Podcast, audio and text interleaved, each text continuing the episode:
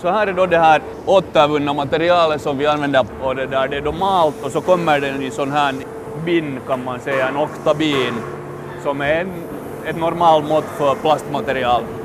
Och här ser man då en, en slang som går in i, i den här. Och med den här slangen så suger man upp råmaterialet in i maskinen.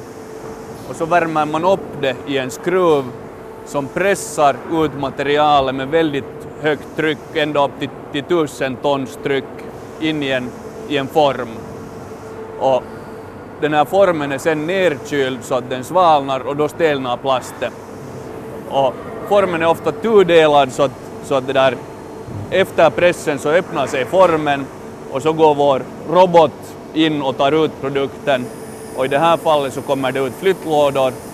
Det där blev en plastlåda som den nu sög. Den här väger kanske kring ett kilo så då ungefär ett kilo av det här.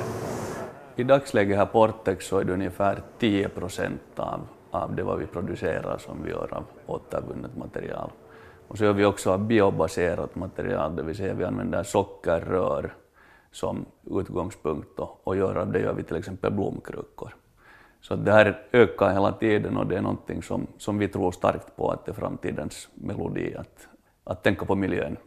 Vilken respons har ni fått från konsumenterna?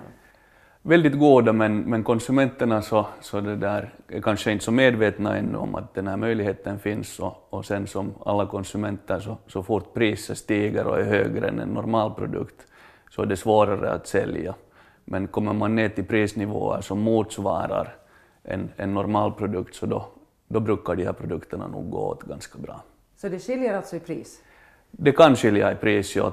Förr i tiden så var, så var det till och med dyrare att, att, att det där ha sådana biobaserade eller, eller det där cellulosabaserade plastblandningar. Och nu med, med det där mera tillgång till, till återanvänd plast så kommer man till samma prisnivåer som, som vanlig plast. Att problemet med det här återvunna ännu idag är det att, att det, där, det, det är svårt att använda det för matförvaring, för man vet ju inte exakt varifrån det här återvunna plastet kommer.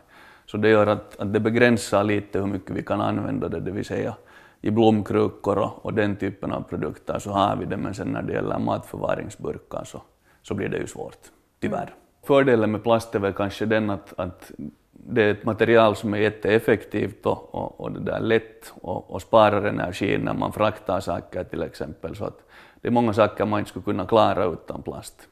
Och gör man produkter i plast som håller sig tio år och sen använder man det för uppvärmning eller återvinning så, så tror jag att man inte påverkar miljön. Problemet kommer ju där när, när, när folk skräpar ner. Och finns det ett värde i det här skräpet så då hamnar det ju inte i naturen och genom återvinning så skapar man ju ett värde för det. Vilket gör att, att sannolikheten att produkterna hamnar ute i, i naturen är, är mindre, hoppas vi på. Men nu har vi en klar sån här commitment att, att all den plast vi använder och gör så, så ska vara antingen återvunnen eller möjlig att återvinna. Men ju mer vi får in just sån här återvunnen tycker vi åtminstone här att, att desto bättre.